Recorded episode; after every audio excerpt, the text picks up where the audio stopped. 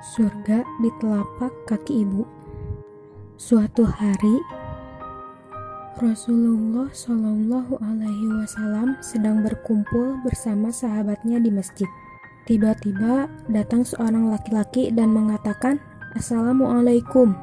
Rasulullah dan para sahabat spontan menjawab, "Waalaikumsalam warahmatullah."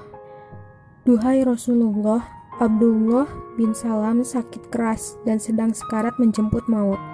Dia memanggilmu, kata lelaki itu. Mendengar itu, Rasulullah langsung bangkit. Bangkitlah kalian semua, mari kita tengok saudara kita, ajak Rasulullah pada para sahabatnya. Sampai di sana, Abdullah bin Salam terbaring tak berdaya. Napasnya tersengal-sengal. Melihat hal itu, Rasulullah mendekat dan membimbing Alkoma untuk mengucapkan syahadat.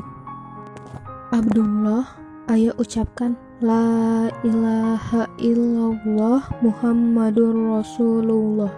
Beliau mengucapkan kalimat itu pada telinga Abdullah bin Salam tiga kali. Tapi Abdullah bin Salam tidak bisa mengucapkannya. Mulutnya seperti terkunci. La haula wala quwata illa billahil aliyil azim kata Rasulullah Shallallahu alaihi wasallam. Bilal, pergilah ke tempat istrinya dan tanyakan padanya apa yang telah diperbuat Alkoma selama di dunia dan apa pekerjaannya. Perintah Rasul pada Bilal. Bilal langsung pergi menemui istri Abdullah. Istrinya mengatakan, Selama hidup bersamanya, aku tidak pernah melihat dia meninggalkan sholat bersama Rasulullah. Hampir setiap hari ia memberikan sedekah, tapi ia sedikit punya masalah dengan ibunya.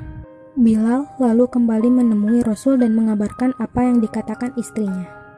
Rasulullah langsung bersabda, "Bawalah ibunya kemari."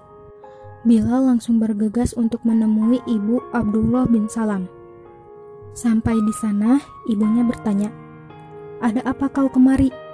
Anakmu Abdullah sedang sekarat menjemput kematiannya.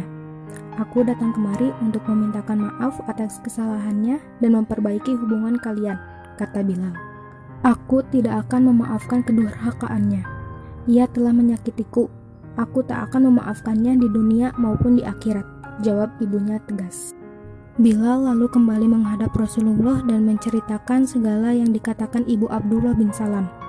Mendengar keterangan itu, Rasulullah bersabda, Umar, Ali, kalian berdua kembalilah ke tempat ibunya dan bawa dia kemari.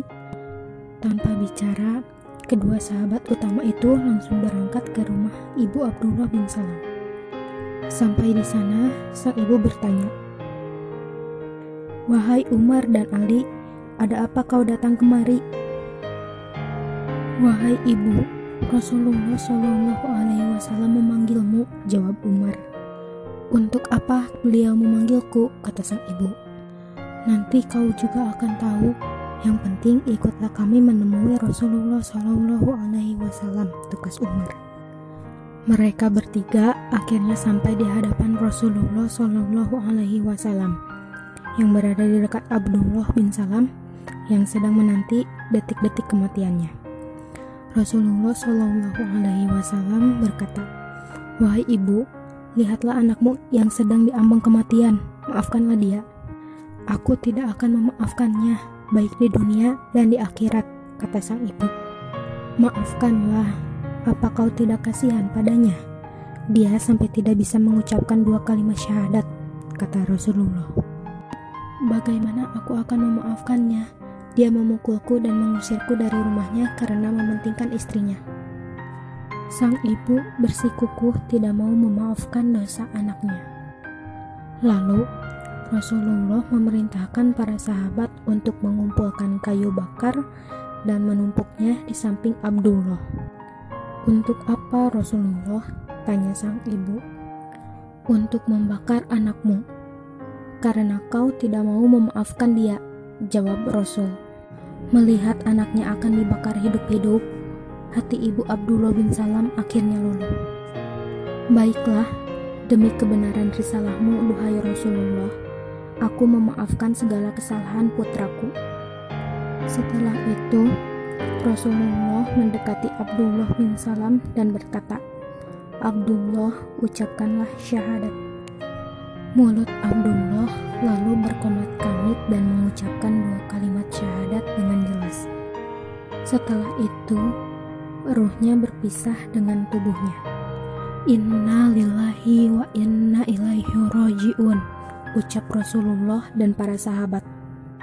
Setelah itu, jenazah Abdullah dimandikan, dikafani, dan disolati.